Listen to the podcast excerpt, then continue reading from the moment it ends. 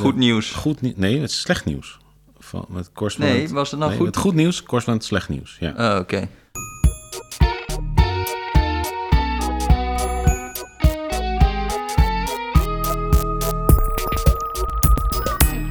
Welkom bij Goed Nieuws met Joris Luijnder, correspondent slecht nieuws. Eh, de achtste of de negende aflevering alweer. Met ons vandaag Jesse Frederik, correspondent economie. Jesse, hartelijk welkom. Hallo. Hallo, hallo mensen. Ehm, ik begeleid Jesse. Hij is een van de drie correspondenten met wie ik regelmatig praat over zijn werk. Eh, Jesse, eh, weet je nog wat jij zei toen ik bij onze eerste afspraak zei van, van ik kom je begeleiden. Dat lijkt me heel erg leuk, maar ik kan je niks leren. Ik heb geen idee. Wat zei ik dan? Je zei dat is heel goed, want ik neem ook niks van je aan. Heb ik dat echt gezegd? Ja. Oh. En toen dacht ik, Meestal is dat iets wat ik doe. Dat is niet iets wat ik zeg. ja, toen dacht ik, dit komt wel goed. Oké. Eh, een van de mooiste verhalen die je me vertelde eh, was over de deurwaarder. Ja. Dus ik denk dat je wel weet wat ik bedoel. Schets eens de context waarin je uiteindelijk voor een deur staat waar al heel veel post in zit met een Ah, ja, deurwaarder. Hoe kwam je daar terecht? Eh, nou, ik was gewoon een dag gaan meerijden met de deurwaarder. Dat is eigenlijk best wel saai. Want dat, eigenlijk ben je een soort veredelde postbode voor het grootste deel van de tijd. Dus Ja, je gaat er wel... wat, wat doet een deurwaarder? Een deurwaarder die komt schulden incasseren. Dus de, eh, als, je, als de rechtbank jou oproept voor iets, dan moet een deurwaarder daar langs om dat even officieel te maken. Die belt aan en dan, eh, nou, meestal doet er dus niemand open. Want dat is ook nog zoiets, je gaat gewoon midden op de dag. Dus als mensen werk hebben, dan kom je ze sowieso nooit tegen. Ehm, en dan, eh, ja, en dan, eh, dan, dan, dan kom je daar een grote dikke envelop over leveren. Ja, van u heeft schulden en we zijn nu eh, Ja. op het spoor. Ja, precies, ja. ja.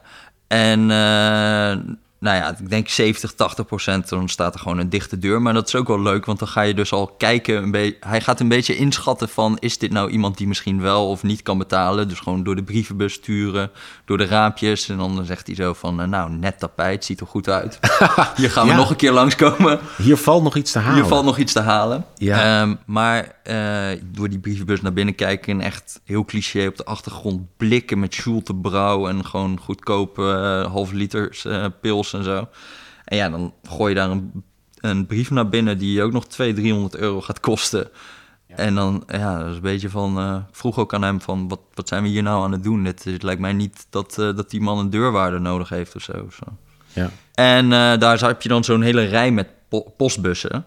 En dan zag je echt al bij de buurman zag je al een blauwe envelop eruit hangen. Van de en belastingen? Deze, van de Belastingdienst, ja. En eh, deze man die had echt een briefbus die helemaal overliep al. En toen zat hij daar zo eh, echt zo te stouwen die A4-envelop erin. En zo, ja, hiervoor train je dus. eh. dat is echt...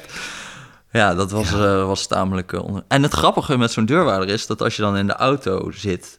dan heeft hij de meest eh, vernietigende maatschappijkritiek... en over, over, ook over dan dat de schuldhulpverleningswerk niet doet... en de GGZ vond hij helemaal vreselijk. ja, geestelijke gezondheidszorg. Geestelijke gezondheidszorg. ehm, maar ja, dan tegelijkertijd dan voor de rest... dan sta je weer zo'n envelop van 300 euro in de bus te gooien... en Ja. dat is, schijnt, heeft dan niet echt relatie met elkaar of zo. Dat, Ja. al die, dat die dat op zichzelf betrekt of zo. Op de fiets hier naartoe zat ik te denken van wat is nou jouw, de essentie van jouw correspondentschap? Want je bent officieel correspondent economie. En toen kwam ik eigenlijk op dit beeld uit. Zo van dat je dus, eh, je bent, je, je, je, je begeeft je op de plekken waar eigenlijk de praktische uitwerkingen te zien zijn. Van regels die misschien op papier logisch zijn. Waarvan je ook wel weer kan begrijpen waarom ze misschien ooit zijn ingevoerd. Maar die uiteindelijk in de imperfecte wereld zoals die is, leiden tot een moment dat er dus een van schuldeisende documenten uitpuilende brievenbus, een deurwaarder, het alle macht probeert ook zijn papieren er nog tussen te persen. En als het dan blijft hangen, zodat het niet naar beneden valt, dat, dat hij denkt, ik heb mijn werk weer gedaan. En je wil alleen maar schreeuwen van, van Ja, maar dit alles dan. ja, recht, dat, het verhaal wat je vertelde over de rechtbank hetzelfde. Ja, die, eh, dus je bedoelt dat ik toen met die bijstandsfraude Ja. raak of zo. Ja, ja, ja. Eh, ja, hoe zat dat ook weer? Het was, dat was een, was een Somalische vrouw. En die, ehm, die, had, eh, die had zeven kinderen, geloof ik al. En die, eh, die, die was dus zwanger van de volgende. En die werd toen, die, werd toen eh, die, die moest toen voorkomen voor bijstandsvrouw. Dus dan wordt een maand of twee maanden wordt je bijstand gewoon ingehouden. Ja. Omdat zij zou werk hebben geweigerd. Dus had een zorginstelling, die had haar gebeld met een werkaanbod. En toen zei zij van ja, ik heb zeven kinderen en ik ben zwanger van de volgende. Eh, dus even niet. En ik ga bovendien trouwens, ging ook nog op vakantie naar Kenia, geloof ik, om familie te zien voor een week. En uh, nou, dat bericht was teruggekomen bij de gemeente. En toen had zo'n ambtenaar gedacht, nou, dat is uh, werkweigering. Ja. Nou gaan we jou twee maanden bijstand ontzeggen. Dat is best wel ingrijpend, want ja, dan heb je dus geen inkomen. Als je geen bijstand hebt, dat is eigenlijk het laatste wat er is. Dan heb je nog toeslagen. Maar twee maanden geen, geen bijstand als je zeven kinderen hebt, dat is, uh, nou ja, dat is niet uh, bijzonder aangenaam. En, uh, en ze hadden al dus, een advocaat had al bezwaar gemaakt, nou afgewezen, toen nog een keer bezwaar, en toen was het volgens mij na één maand gebracht. En toen zaten we dus daar bij die rechter, want daar, daar kwam het dan allemaal op. dus er stond ook een advocaat van de gemeente en die ging uitleggen van, ja, nou ja, werkweigeren mag niet, het staat in de wet. En uh, de zwangerschap is ook trouwens geen excuus daarvoor, behalve de laatste paar maanden of zo. Maar dat. Uh, dus dat, dat, dat, en zorgen voor kinderen ook niet trouwens. Um, dus. Uh, ja, dus die legde dat gewoon uit, het hele standpunt van de gemeente. En toen had de rechter op een gegeven moment zei iets van: ja, nou ja, zelfs als dit allemaal waar is, wat u nu zegt, dan lijkt mij dat geen reden om, om de bijstand te gaan ontzeggen. En dus ik, ga, ik, kan, het vonnis komt nog, maar ik kan nu alvast verklappen dat dat niet positief voor u zou uitvallen. Ja, kortom, de Somaliërs krijgt gelijk. Ja, die krijgt gelijk. En toen uh, liepen we naar buiten en toen uh, kwam, die, uh, kwam die advocaat van de gemeente, die kwam zo naar, naar de advocaat van die Somalische vrouw toe en die zei, nou ja, zat er dik in. en, en toen liep ze weg. En toen dacht ik, nou, dat, was, dat is een curieuze verschijning toch? Dat gewoon uh, iedereen die hier dit werk aan het doen is, eigenlijk dacht van wat zijn we hier aan het doen? En toch, dat dat dan toch gebeurt zo. En dat heb ik wel heel vaak meegemaakt, dat dan gewoon de mensen die het aan het doen zijn, ook een beetje zich afvragen, wat zijn we hier nu aan het doen? Ja. ja ik dat denk is zo'n zo'n rare, zo'n rare ervaring van... Uh, ja, ik kan, kan dat, ik kan me het wel voorstellen, maar ik kan me ook weer niet voorstellen dat je dat dan, ja. dat werk dan moet doen. Ik, vind, ik denk als ik in onze gesprekken van het afgelopen jaar, is dat de rode lijn, denk ik. Wat, waar, dat je, dus op één niveau zijn mensen heel praktisch en voegen zich naar de regels en de omgangsvormen en vervullen een soort rol, bijna als in een toneelstuk. Maar dan mm zijn, is, is het script geschreven door de wetgever. En op een ander niveau, als je ze uitnodigt om te becommentariëren op die rol, of het nou dus de, de deurwaarder is in de auto of de advocaat van de ene en de andere partij, hebben ze eigenlijk haarscherp door wat de absurditeit is, maar ze komen er ook niet uit.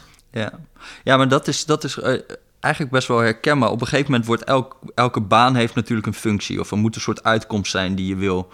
Maar heel veel mensen die zijn op een gegeven moment heel erg in zichzelf gekeerd en met dat proces bezig. Gewoon die lopende band. En er komen de hele tijd incassodossiers langs, eh, langs en die moeten geregeld worden. Dat het uiteindelijk het doel is schulden oplossen en zorgen voor een goede rechtsgang en weet ik veel wat. Dat raakt langzaam een beetje ondergeschikt aan dat proces. Ja. Aan de hele tijd maar uh, zaken behandelen en, en doorgaan en doorgaan. Maar het is ook omdat ze zo'n heel klein deel in die hele schakel doen. Waardoor ze ook als ze zelf zouden van koers zouden wisselen, kan het ook niet. We hebben, die arbeidsdeling is zo ver doorgevoerd. Ja, Klopt, ja. Maar daarbij is ook wel weer, wat ik ook wel eens merkte, was dat je dan soms in zo'n schakel iemand hebt die wakker is of zo. En die kan wel best wel veel betekenen. Dus iemand die in één keer uh, uit die regels stapt. Bijvoorbeeld die politiemensen die je vertelde. Politiemensen, ja, dat was, uh, dat was heel interessant. Je had toen uh, die, die verkeersboetes. Nou, dat is echt het schoolvoorbeeld van een, een wet die helemaal anders uitpakte dan dat die ontworpen was. Dus het hele idee was uh, je hebt onverzekerde auto's. Toen heeft de overheid gedacht dat moest, vroeger moest dat allemaal langs de rechter. Dus de overheid constateerde: jij bent, je hebt een onverzekerde auto. Dan moet eerst de rechter zich daarover uitspraken. Nou, dat is allemaal moeilijk, moeilijk en duur, duur. Dus toen hebben ze uh, besloten: we gaan dit helemaal automatiseren. Dus we hebben een verzekeringsregister. Daarin staat voor elk kenteken of die verzekerd is. En we hebben een kentekenregister. En daarvoor staat voor elke auto welk kenteken die heeft. Doen we elke drie maanden gewoon een vergelijkingje rolt daar vol automatisch een boete uit. En die gaan we je gewoon opsturen en er wordt administratief afgehandeld. Nou ja, dan zie je, uh, dat zag je heel snel misgaan. Want mensen waren helemaal niet op de hoogte dat hun auto niet uh, verzekerd was. Of vooral met bromfietsen was dat heel erg. En uh, nou ja, je hebt gewoon mensen die in een scheiding liggen of die in de GGZ, hè, dus mensen die een psychiatrische stoornis hebben, depressies, allemaal randgevallen, mensen die gewoon hun post niet openen. En dan in één keer volautomatisch de ene naar de andere boete krijgen. En die boetes, als je ze niet betaalt binnen drie maanden, Verdriedubbel. verdriedubbelden ze ook nog eens. Dus dan ging je van 400 euro naar 1200 euro. En dan komt weer de volgende van 400 en dan weer 1200. Dus ik had allemaal van die gevallen van mensen met 60.000 euro, euro aan boetes. Nou, die hadden dan een oldtimer collectie of heel veel brommetjes in hun schuur waarmee ze klusten en weet ik het. Totale, totale helse ellende. En het waren er echt best wel veel, echt veel mensen die dit hadden. Ehm, dus nou ja, dan had je zo'n politieagent. Want uiteindelijk, dat was het helemaal het idiote. Dan, dan werd je. eh, het ging van 400 naar 1200 euro. Maar op het hele einde van dat incassotraject. ging je gewoon de gevangenis in. als je niet betaalde. Dus er kwam, dat heet dan een gijzelingsverzoek. En dan, kwam, eh, eh, dan werd je nog eens opgeroepen voor de, voor de rechter. En dan kon je daar zeggen: waarom, waarom kan ik niet betalen? Maar heel veel mensen kwamen dus daar ook niet eens. Dus die eh, eh, verdwenen gewoon achter de tralies. 18.733 uit mijn hoofd. Mensen die gewoon gevangen zijn genomen omdat ze een verkeersboete niet betaalden. 18.000. 18.000, echt bizar. Eh, maar ik hoorde dus ook wel eens van dan... Uiteindelijk komt er dan dus een agent. En die moet jou gaan ophalen. En die moet jou meenemen om die gevangenis in te gaan. Ja. En die mensen, die, dan komt er in één keer... dan is het niet meer een computer die boetes uitschrijft. Dan komt er iemand aan de deur. En die vraagt daar eens van... wat is hier eigenlijk aan de hand? Eh, en dan kwam je dus die verhalen tegen die ik ook tegenkwam. Van mensen die, ja, ik dus totaal boven de hoofd gegroeid... en post niet meer geopend en weet ik. Echt helemaal tergende eh, toestanden.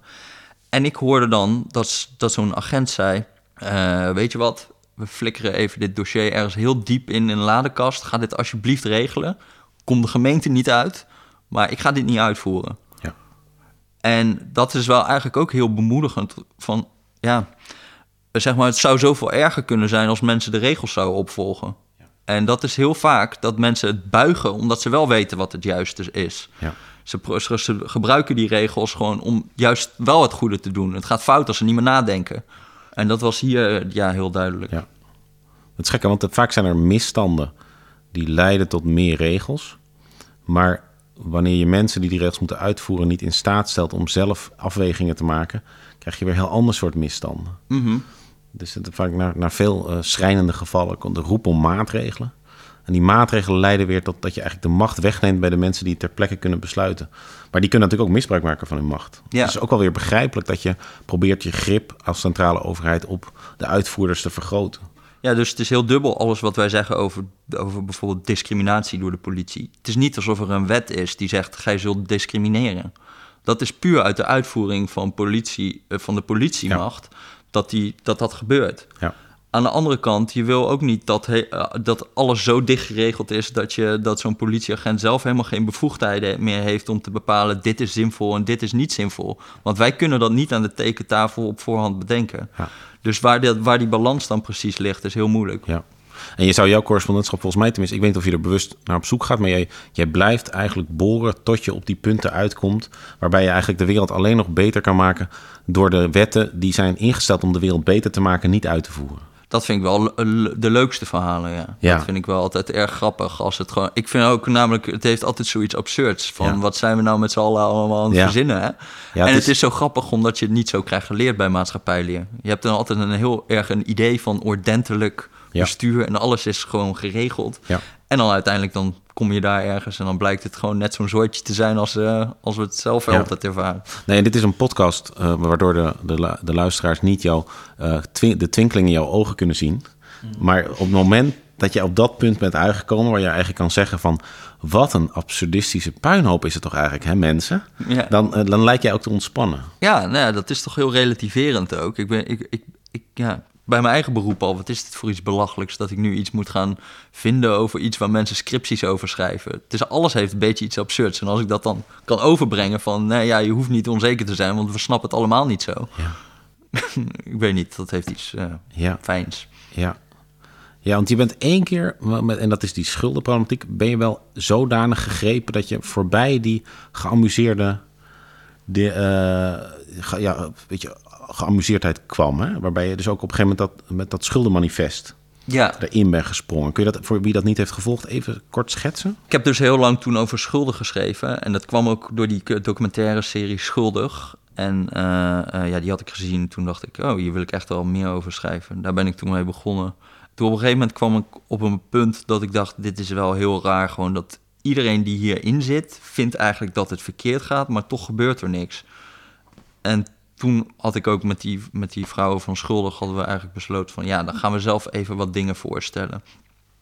Want een van de dingen die je ook merkt, en dat, dat is dan met politiek, ehm, je merkt dat er heel veel goede wil is, dus dat mensen iets willen in de politiek, maar je krijgt dan bijvoorbeeld een motie die oproept om de uitvoering van de schuldhulpverlening te verbeteren. Maar dat is op een abstractieniveau, Ja. dat het eigenlijk gewoon, ja, dan is eigenlijk de belangrijkste frase in die motie is en over tot de orde van de dag. Want iedereen weet, ja, wie, niemand is tegen slechte schuldhulpverlening. Mooi gezegd. En op een gegeven moment dacht ik, volgens mij kunnen wij iets meer met scherp schieten en zeggen, hier gaat het mis, deze wet of dit, dit stukje uitvoering, daar moet je echt even iets aan doen. En ehm, nou ja, dat zijn we doen gaan doen. We hebben een schuldenmanifest eh, opgesteld met vijf punten, die nog wel ook een beetje abstract waren, maar later ook in gesprekken met politici en zo wel gezegd van, volgens mij moet je deze motie indienen en eh, geprobeerd om daar wat te veranderen. Eh, Waardoor je ook in, eh, in de Tweede Kamer kwam. ja, En jouw, jouw oog voor de absurde kanten van de goede bedoelingen... ook weer aan, aan jouw oog daar ook weer aan, aan zijn trekken kwam. ja, ja, ja, ja, ja. Nou ja, dat is, dat is, dat is ook weer zoiets van, van je... Ja, op voorhand verwacht je het niet helemaal, maar het is ook wel weer logisch. Heel veel van die Kamerleden, die zijn natuurlijk... die komen om in het werk. Het is natuurlijk totaal belachelijk dat iemand pensioenen, sociale zekerheid... schulden en eh, ja, waarom niet ook nog de hele rechtsstaat of zo... eh, Plus positie in de eigen partij en de eigen regio. En, eh, Precies, Ja. ja, ja. En wat je, Nul wat je dus ook ziet, dat, dat, die, dat die versnippering van partijen ervoor zorgt dat eigenlijk iedereen nog meer dossiers op zijn bord krijgt. Dus eigenlijk de expertise wordt alleen maar breder verspreid. En daardoor ja, is het heel moeilijk om met scherp te schieten. Dus dan krijg je inderdaad moties die oproepen om de hele uitvoering van de schuldhulpverlening te verbeteren. Of de bureaucratie in de zorg terug te dringen. Ja, het, is, het doet er allemaal niet zo toe, want dat, dat heeft geen enkel effect natuurlijk. Eh, en dat, ja, dat, dat, dat merkte je heel erg. Dat er gewoon wel een heel erg behoefte is van zeg de SP tot de CDA eh, om iets te willen met die schulden. Dan heb je nog een paar partijen die daar niet in, die denken die vinden het helemaal niet zielig of die vinden het, eh, vinden het prima zo. Ja, VVD, PVV, Forum voor Democratie. Ik weet niet wat die vinden, maar maar voor de rest is het eigenlijk best wel brede consensus over. Dus het probleem is helemaal niet van dat de ambities er niet zijn. Het probleem is meer dat we bij God niet weten hoe we dat dan gaan bereiken. ja, een Kamerlid heeft ook geen ondersteuning eigenlijk. Hè? Dus ik geloof 0,8 FTE per, Ja, per... Toen ik daar rondliep, vroeg ik ook van waarom doen jullie hier niet wat aan? En dat was eigenlijk het antwoord mag niet van de Telegraaf. ja. Ja, ja, nou ja, precies. Dat, dat, is, dat is denk ik echt het, eh, echt het grote probleem. En daar, daar merkte je, kijk, we klagen dan heel vaak over de lobby die zo machtig is, maar dat heeft precies hiermee te maken. Die kunnen invullen Ja. van als jij deze ambities hebt, dan moet je dit en dit en Ja. dit doen. En dat was ik nu een beetje. Van ik was die lobby. Maar Ja. eigenlijk is dat ook de grap. Het is helemaal niet zo moeilijk. Of ja, misschien zeg ik dat wel uit een hele enorme privilege dat ik een medium. Dat weet ik trouwens wel zeker. Nee, maar, maar het is ook als we iets vaker met scherp zouden schieten.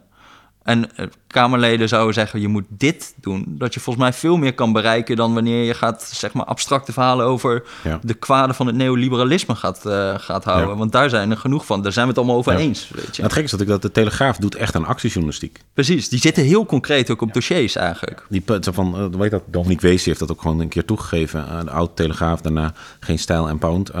In een gesprek met Koen Verbraak. Van dat hij gewoon de opdracht kreeg binnen vijf dagen de NS-directie weg. Ja. En binnen vier dagen was de NS-directie weg. Ja, En dat claimt de Telegraaf dan ook. Ja. Het is heel interessant dat aan de progressieve kant wordt dat, gebeurt dit niet. nee. De, de- tegelijkertijd zit daar natuurlijk een enorm probleem in. Dat als je als journalist je op een gegeven moment verbindt aan een kamp. Dat daarmee de, de, de, de lezer, kijker, luisteraar denkt van wacht even, maar vertelt hij me nog alles? Want stel je voor, je, je, er komt zo'n schuldenmanifest, een, een coalitie. Jij, jij verbindt je naam daaraan. En dan ontdek je iets naars aan die coalitie. Daar gebeuren foute dingen. Mhm. Dan kan je dat onthullen, maar dan ondermijn je het kamp waar je tegelijkertijd dat je aan het helpen bent. Ja. Ja, nee, dat is, dat, is, eh, dat is een reëel risico, denk ik. Ik denk overigens niet dat dat heel anders is voor andere journalisten. Ik denk dat iedereen gewoon het risico loopt op tunnelvisie. En ik heb ook, ik heb ook niet het idee van... stel nu dat ik allemaal dingen voorstel... en dan blijkt dat die helemaal niet helpen. Ja, wie help ik er dan mee om dat niet te zeggen? Om daar niet open over te zijn? Dan ben je gewoon voor je eigen ego zit je er of zo. En je ik hoop dat ik dat wel kan doen. Maar je hebt tunnelvisie, maar je hebt ook belangenverstrengeling. Hè, dus als je, Ja. als je, stel je voor dat je bijvoorbeeld roken, dat is echt zo'n, weet je, nie- niemand boven de 25 begint nog met roken. De mensen die eraan beginnen, die er niet van afkomen, de helft gaat dood. En dan kan je van de ene kant kan je zeggen van dat is zo'n duidelijke kwestie, is eigenlijk een beetje als de gelijkheid van man en vrouw. Dus daar kan je echt campagne op gaan voeren.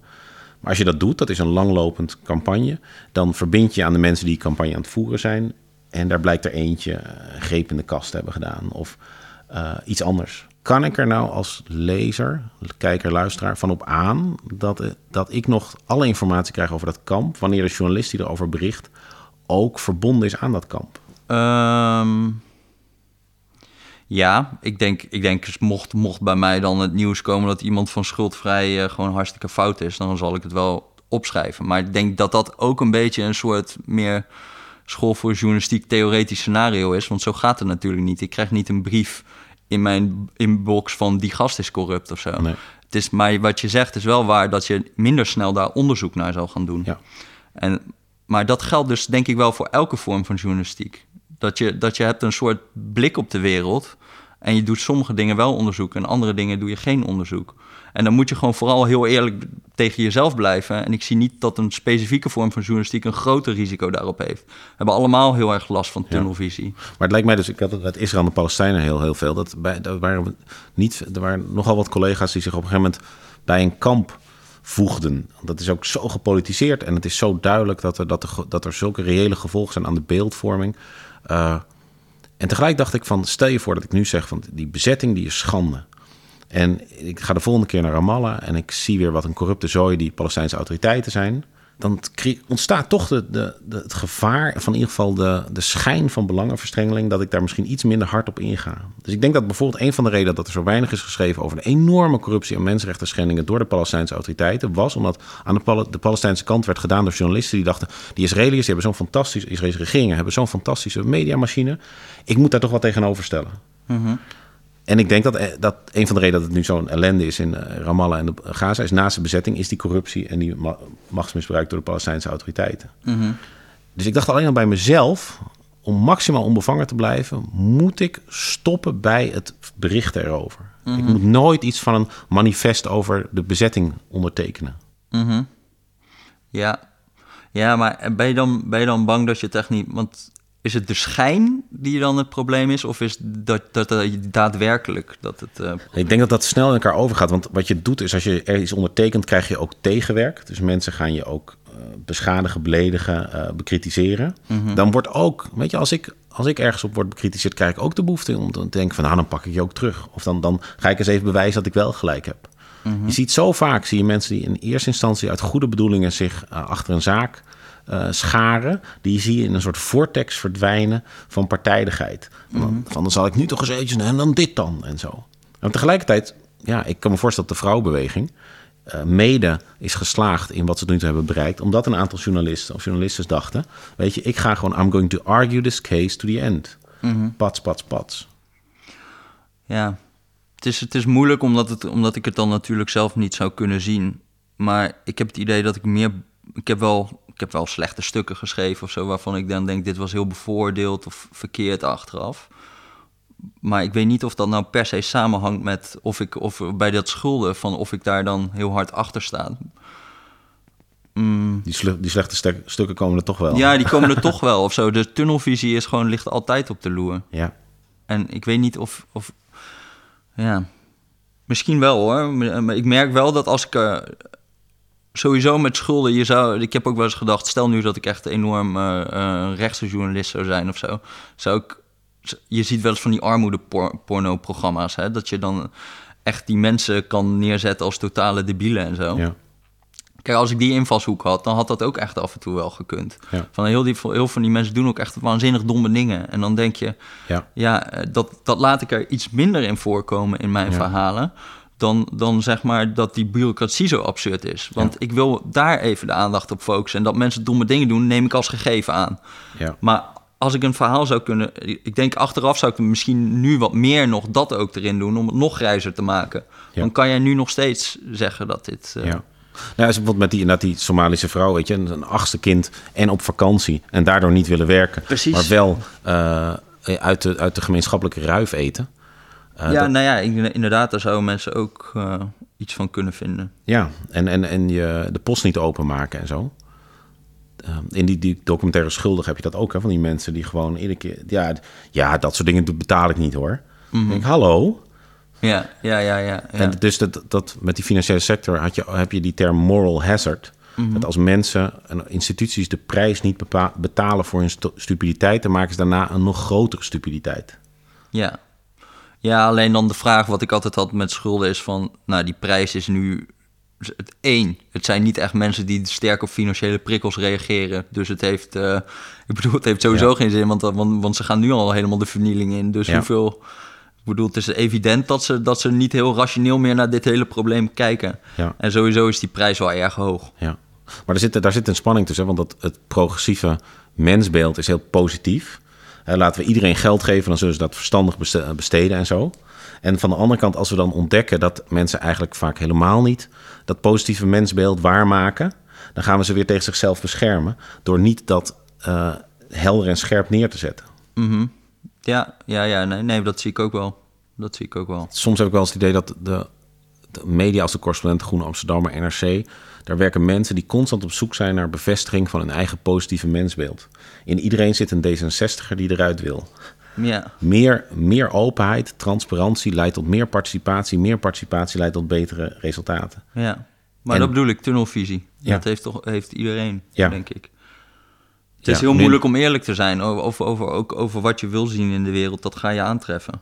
Ja, nu denk ik weer, heb je nou ook tunnelvisie rond tunnelvisie?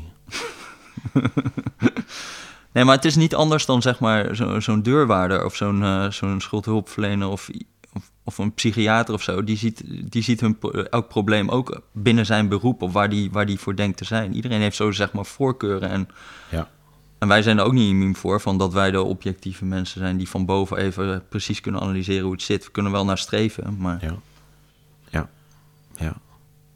En dus, dus jij, jij loopt hier eigenlijk steeds eh, tegenaan. Eh, ik, ja, je hebt geen kinderen, dus jij kent die serie niet. Eh, dat is het klokhuis. Dan gaan ze dus naar het verleden. En dan midden in een Romeinse scène komt er opeens zo'n gast in een, in een, eh, in een quizmaster pak. Dat kan toch anders, man? Dat kan toch anders, man? Elke geschiedenis vooruit, omdat het altijd anders kan. Hallo Romeinen en hallo willekeurig volk in het jaar 47 voor Christus. Wat is het probleem? Zij zijn niet onder de indruk van onze beschaving. Onhygiënische primitievelingen, dat zijn het. Ik zie twee teleurgestelde soldaten van het grootste rijk ter wereld. En ik ruik de poep van onbeschaafde mensen. Dat kan toch anders? Niet zo onzeker. Alles wat de Romeinen verzinnen zal de wereld voor goed veranderen. een soort consultant. Ja, daar, daar moet toch op een zeker moment, omdat je ook de kwesties waar je mee te maken hebt, eh, raken of mensen heel hard, zoals die schuldenproblematiek. Eh, klimaat raakt ons mogelijk allemaal verschrikkelijk hard, waarschijnlijk zelfs. Eh, hoe hou jij dan de, de demon van de wanhoop op afstand? Ehm, wanhoop, ja, god, ik weet niet zo goed. eh, ik, vind het, ik vind het niet zo wanhopig, omdat je, als je een beetje dicht bij de oplossingen zit of zo, er is wel wat aan te doen. En ik vind het gewoon leuk werk. Misschien is dat ook wel heel banaal, maar ik vind het gewoon leuk om die dingen te schrijven. Dus dat je wat, misschien ben ik ook een beetje de uitkomst uit het zicht verloren soms. Maar ja, ik word er zelf niet wanhopig van. Ik word er wel vrolijk van, zo'n verhaal dat het een zooitje is of zo. Je hebt niet van, van bloody hell, weet je, jij en ik hebben echt een mooi leven. Maar je, je bericht over mensen wiens leven echt, echt eh, wankelt, zo niet omkukelt. Oh, toen met schulden was ik wel echt. Toen was ik wel echt. Toen was ik wel echt ook emotioneel een beetje stuk van. Vooral dan heel veel van die interviews. Op een gegeven moment had ik ook een oproep gedaan. Ik kreeg drie, 400 mails van mensen met allerlei de meest vreselijke verhalen. En dat kan je ook niet echt allemaal recht doen. Dus toen, maar dan, ja, dan was ik echt bij iemand, zo iemand thuis geweest. En dan zat ik gewoon wel, was ik wel echt gewoon ja, een beetje overspannen raakte ik daarvan. Ja. Eh, maar ja, daarom juist ook dacht ik van ja, wat, wat kan ik hier nou mee doen? Van, daarom, ga, daarom ging ik ook die heel die campagne beginnen natuurlijk. Omdat ik dacht, ja, eh, dit is zo zinloos. Heel moeilijk, hè? Want je, om, het, om je werk goed te doen, dit werk goed te doen, moet je je echt verplaatsen in het lijden van anderen. En vervolgens is je opdracht weer om daar met een soort van eigenlijk compassieloze blik van gedistanceerd naar te kijken. Ik vind het ook wel grappig, want ik zit er nu dus helemaal niet meer in van Ja. dat soort verhalen. En dan ga je gewoon even over parkeerbeleid schrijven. Ja, dan zit je tenminste niet bij iemand op de bank die naar de tyfus gaat. Ja. Dat En die naar jou zwaar. kijkt en denkt misschien dat meneer Frederik mij kan helpen. Ja, ja. Maar ik heb nu ook, als ik die stukken dan nu teruglees, dan denk ik, wow, ik kan niet helemaal meer bij dat gevoel of zo. Want er zit heel veel, eh, soms zit ik ook een beetje, dat voelt een beetje pathetisch af en toe, van hoe ik het toen heb opgeschreven. Maar dat was wel heel erg waar toen. Toen Ja. voelde het echt heel erg eh, zo. Ja.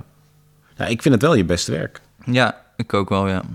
Maar dat is, dat- het is ook, eh, komt ook omdat je dan zo lang ergens op zit... en dan ga je gewoon echt nieuwe dingen ont- ontdekken. En ik heb nu het idee dat ik wel de hele tijd... ding, weer iets nieuws, weer iets nieuws, weer iets nieuws. En eh, het is moeilijk om focus te houden op één ding. Want dan moet het wel interessant genoeg voor zijn. Ja, en het blijft denk ik ook interessant doordat dat, ja, we, praten nu bijna psychopathisch, maar doordat menselijk lijden, Mhm. dat, dat, houdt het, dat geeft echt cohesie aan het verhaal. Tegelijkertijd sloopt dat je van binnen. Ja. ja, zeker ja. Ja, het is eh, niet zo abstract, inderdaad. Ja, Ik, eh, wel, ja, dat, wa- dat was ook een beetje wat het voor mij heel uniek maakt. Want ik schrijf gewoon best wel veel beetje abstracte verhalen. Ik lees die stukken. Ik praat met de professor, zeg maar. Bij, bij, niet, niet altijd, maar... En hier was het heel erg eh, dat je geconfronteerd werd met die wereld van die stukken. En dan, dan, Ja. dan zeg maar hoe dat eruit ziet. En dat was ook anders. Gewoon, het, was, het was ook echt dat, eh, dat je gewoon zag van... Oh ja, die, die rapporten en zo, die missen gewoon dingen. Het is niet eens dat, dat ze... Ze staan er niet eens in, deze mensen. ja. Dus Het was ook interessant. Dus 18.000 mensen gaan de bak in om verkeersboetes. En eh, jij bent de eerste die dat eigenlijk agendeert. Zou dat iets kunnen zijn? nou, dat is, dat, Nee? is, dat is toch wat... Want de nationale ombudsman en zo, die Ja. zijn hier heel hard Ja. op geweest. Caro, eh, de, de monitor heeft hier wel dingen over geschreven... van zwangere vrouwen worden in de gevangenis gegooid en zo.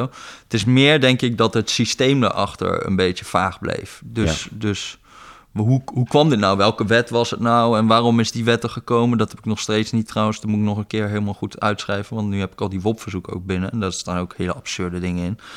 Maar dat systeem erachter was niet echt uitgelegd. Maar wel dat, eh, dat dit gebeurde. Want het was al aangepast toen ik het stuk schreef. Want nu kon, gebeurt dat niet meer, die gijzelingen. Nee. Nee. En ook rechters die zeiden, dit, ik, eh, dit kan niet. Want je kreeg van die bulkzittingen waar het gewoon stempelen was. Ja, niemand komt op die zittingen. Ja. En dan staat zo'n rechter weer van... eh, oké, u verzoekt deze man in de gevangenis te gooien. Ja, ik, krijg een soort standaard eh, A4'tje aangeleverd met... dit is die situatie en bam, volgende, bam, Ja. volgende. Ja, dat, op een gegeven moment zei hij ook, dit gaat te ver. Dit, eh, ik, kan, ik kan hier niet... Ik kan de hele si- situatie niet beoordelen. En toen is het ook opgehouden. Maar het heeft jaren geduurd. Dat vind ik wel echt bizar. Dat er zoveel mensen een beetje zijdelings dit... Ja, ik bedoel, 18.000 mensen gaan de gevangenis in. Dat wordt gezien Ja, dat is door heel veel mensen. Dat is 0,1% van de bevolking. Iets meer. Ja. Ik vraag me af van, van zou het kunnen zijn dat omdat dat al deze mensen uit, kwamen uit een lage sociale klasse, terwijl in journalistiek, politiek en eh, hoge ambtenarij bijna niemand meer rondloopt met familie in de lage klasse. Dat zijn heel vaak mensen die, die zelf ook al uit gestudeerde milieus kwamen en zo. Dus die, dit, dit kwam misschien wel langs voor hen in KRO Monitor en dus in de persmap van het ministerie. Maar het was niet zo dat ze met kerst naar huis gingen en dat een broer of zus iemand kende of zelf iemand was. Ja, ik denk dat, eh, dat sowieso is, is het vaak een lage klasse, maar mensen met schulden zijn sowieso, ehm, ja, die reageren niet meer op dingen. Ja. Dus die zijn gewoon, dat, dat is vaak, eh, die openen de post niet en die gaan, die gaan ook niet met een journalist praten. Ja. Heel veel van de mensen die ik sprak waren er al uit. Waren Ja. niet echt, met zo'n deurwaarder kom je nog wel eens iemand tegen die er nog in zit. Maar die krijgen, het is heel moeilijk om die te spreken te krijgen. Ja. Dus dat, is, dat maakt het probleem ook heel ingewikkeld. Ja, ja. Maar kijk je naar de partijleiders, die, die komen bijna allemaal uit milieus waar ook dit soort. eh, de kans dat een van hun broer en zussen in de gevangenis komt door een verkeersboete is gewoon heel erg klein. Mhm. Ja, nee, klopt. Ja. Maar ze zijn er wel lekker. bijvoorbeeld wat ik heel mooi vond was Carola Schouten, die nu eh, minister van Landbouw is. Wel zonder dat dan minister van Landbouw is. Maar die was ook eh, vrijwilliger in de schuldhulpverlening, dus schuldhulpmaatje. Wauw. En eh, zij was ook echt strak op dat dossier, merkte je. Gewoon, Ja. zij, wist, zij wist gewoon dingen daarvan. Ja. En uh, Ja. dat, is, dat was wel, uh, Ja. dat is wel goed. Die mensen zijn daar echt wel hoor. Maar, die, maar we vieren ze ook niet genoeg, heb ik het idee. Dus je krijgt heel erg... eh, eh, eh, eigenlijk de mensen die het totaal niet verdienen, krijgen heel veel aandacht. Terwijl mensen die echt goed zijn in de Tweede Kamer... of mensen die echt die dossiers kennen, die echt gewoon werk goed doen... die, die, die, ja, die worden niet zo veel... Wij hebben daar weinig sociale, journalistieke vormen voor. Ja, Het is, maar het is ook riskant hè, als je iemand omhoog schrijft en die doet daarna toch iets beroerds. Dan sta je erop. maar als- schrijf je laag, toch? Ja, maar dan was, is dit, eh, weet je, dit is dezelfde, die, die naïeve Jesse Frederik, die, schreef allemaal dit en dat en nu heeft hij dat en dat gaan. Terwijl als je een politicus de grond inschrijft, loop je geen enkel risico. Ja, maar... Het wij- is veel veiliger. Maar als je even helemaal- kijkt naar calculaties, wat voor calculaties mensen maken. De EU afzeiken is veel makkelijker dan de EU prijzen. Ja, maar het is toch helemaal naïef om te denken dat het niet kan veranderen. Dat iemand eh, gewoon eh, überhaupt gewoon altijd verkeerd is of altijd goed. Ja, maar je, ben jij weer de individuele journalist die het risico neemt om iets positiefs te schrijven? Ja, ik snap wel waarom het gebeurt, maar, maar moeten we het anders doen? Maar Ja. Ik snap wel, inderdaad, het is een risico. Het is, het is, maar wat ik ook denk, is dat gewoon heel veel journalisten gewoon ehm, eh, veel meer gefocust zijn op het proces van politiek dan het product. Dus wat produceert politiek? Wetten, regels, eh, dingen, dingen die er uiteindelijk voor zorgen dat een burger eh, de overheid anders ervaart. Maar, zeg maar daar, daar heb je gewoon helemaal niet eh, een soort van interesse in, in wat dat dan is. Wat, wa- is deze wet verstandig? Wat doet deze wet überhaupt? Welk probleem gaat het oplossen? Met die schuldhulpverlening, ja, als jij een Haagse journalist bent, heb je natuurlijk geen idee of al die wetten wel zinvol zijn. Of, Ja, dat is ook niet jouw gebied. Nee, maar waarom, waarom eigenlijk? Waarom zou je niet vanuit een dossier naar Den Haag Ja. gaan en niet gewoon een Haagse journalist? is gewoon voor mij een heel raar concept eigenlijk. Ja, Hoe weet je überhaupt? Voor bijvoorbeeld, je kan allemaal dingen zeggen van eh, het, eh, eh, het klimaatakkoord is naar rechts opgeschoven. Ik zeg maar wat. Maar hoe weet je dat in godsnaam als je niet weet wat er in dat klimaatakkoord staat en of het heilzaam is? Ik bedoel, wat is links en wat is rechts als je het beleid niet kent? Ja. Nee, dat is de, volgens mij zijn er sterke argumenten om eh, de Haagse redacties op te heffen. En veel meer een soort fixers in Den Haag neer te zetten. Die dan voor journalisten die iets concreet hebben uitgezocht. daarna de, de politieke kant daarvan te doen. Wat je nu hebt is je wordt als lezer. blijf je in verbijstering achter naar allerlei verhalen. in de zorg, in het onderwijs en zo. En je denkt, maar wat is dan.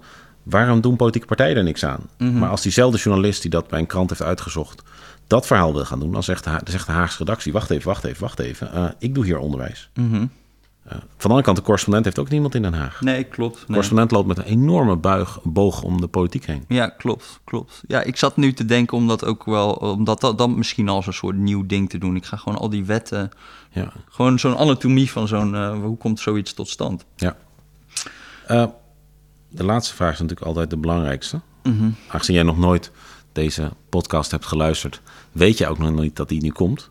Eh, maar natuurlijk, wat voor beest is Jesse Frederik? Ja, deze, ik heb deze podcast wel geluisterd. Maar je mag En hem deze, dus niet. deze is ook heel eenvoudig voor mij om maar je mag hem niet meteen, want we willen eerst. Ben je nou een, een roofdier of een prooidier? Dus Ik, ik ben toch wel een roofdier. denk jij ik. bijt echt wel andere beesten dood. Ja, ja. En bijt je dan het liefst schadelijke knaagdieren dood of toch ook gewoon hertjes? Nou, ik denk, gezien het dier wat ik kies, denk ik konijnen. Die echt ge- gewoon van grotere omvang zijn dan ik zelf. Hazen bijna. Hazen, hazen eigenlijk. Van die grote Vlaamse. Vlaamse, hoe heet die? Vlaamse, nou ja. Vlaamse- Vlaamse, reuzen, ja. Vlaamse reuzen, ja, ja, die, ook, die niet heel snel zijn. Nee. nou ja. Want ik dacht, ik dacht wel van, je bent op een bepaald manier volgens mij een nachtdier. Een nachtdier, Een ja. nachtdier. Je, je, je, je houdt wel van ik weet niet of het dier wat ik in mijn hoofd heb, of dat een nachtdier is, maar ja. Ik werk trouwens wel liever 's ochtends, echt heel vroeg. Maar ik, ik bedoel het ook in de vorm van dat je volgens mij eh, een hele dag lang wetenschappelijke artikelen lezen. eh, echt hardcore over bijvoorbeeld, eh, hoe heet dat ook alweer? De blockchain. Mhm. En dat is ook een nachtdier, volgens mij. Iemand die gewoon in, in de luwte doorknaagt om daar terecht te komen. Er zijn heel weinig journalisten die dat heel leuk vinden. Ah ja, Ze zitten veel liever bij een persconferentie met tien andere collega's die ze iedere dag zien en zeggen: hé, hey, hoe is het daarmee? En had je eigenlijk nog gezien? ah ja.